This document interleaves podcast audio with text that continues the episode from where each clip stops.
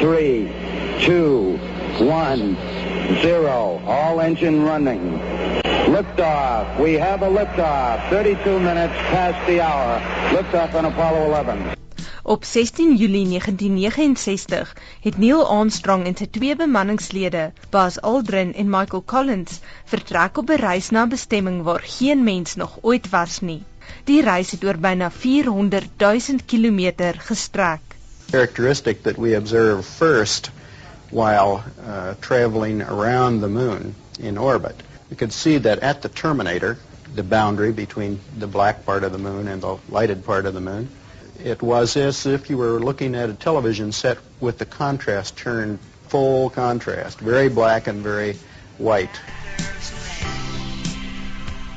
It's one small step for man, one giant leap for mankind.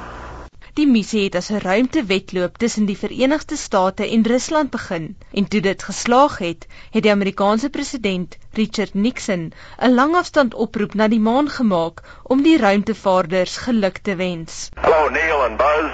I'm talking to you by telephone from the Oval Room at the White House. Op die ouderdom van 16 jaar het Armstrong sy leerling vlieglisensie gekry, nog voordat hy eers 'n motor kon bestuur.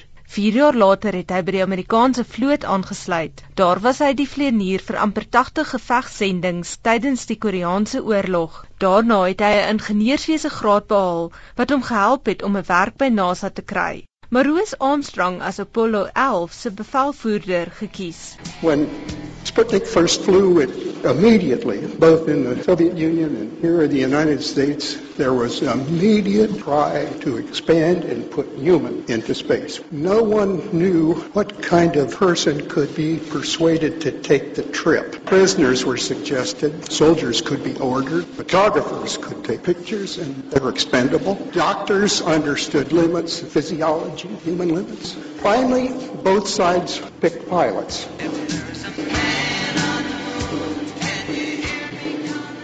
Volgens die ruimtevaarder Buzz Aldrin was Apollo 11 Armstrong se laaste ruimtesending.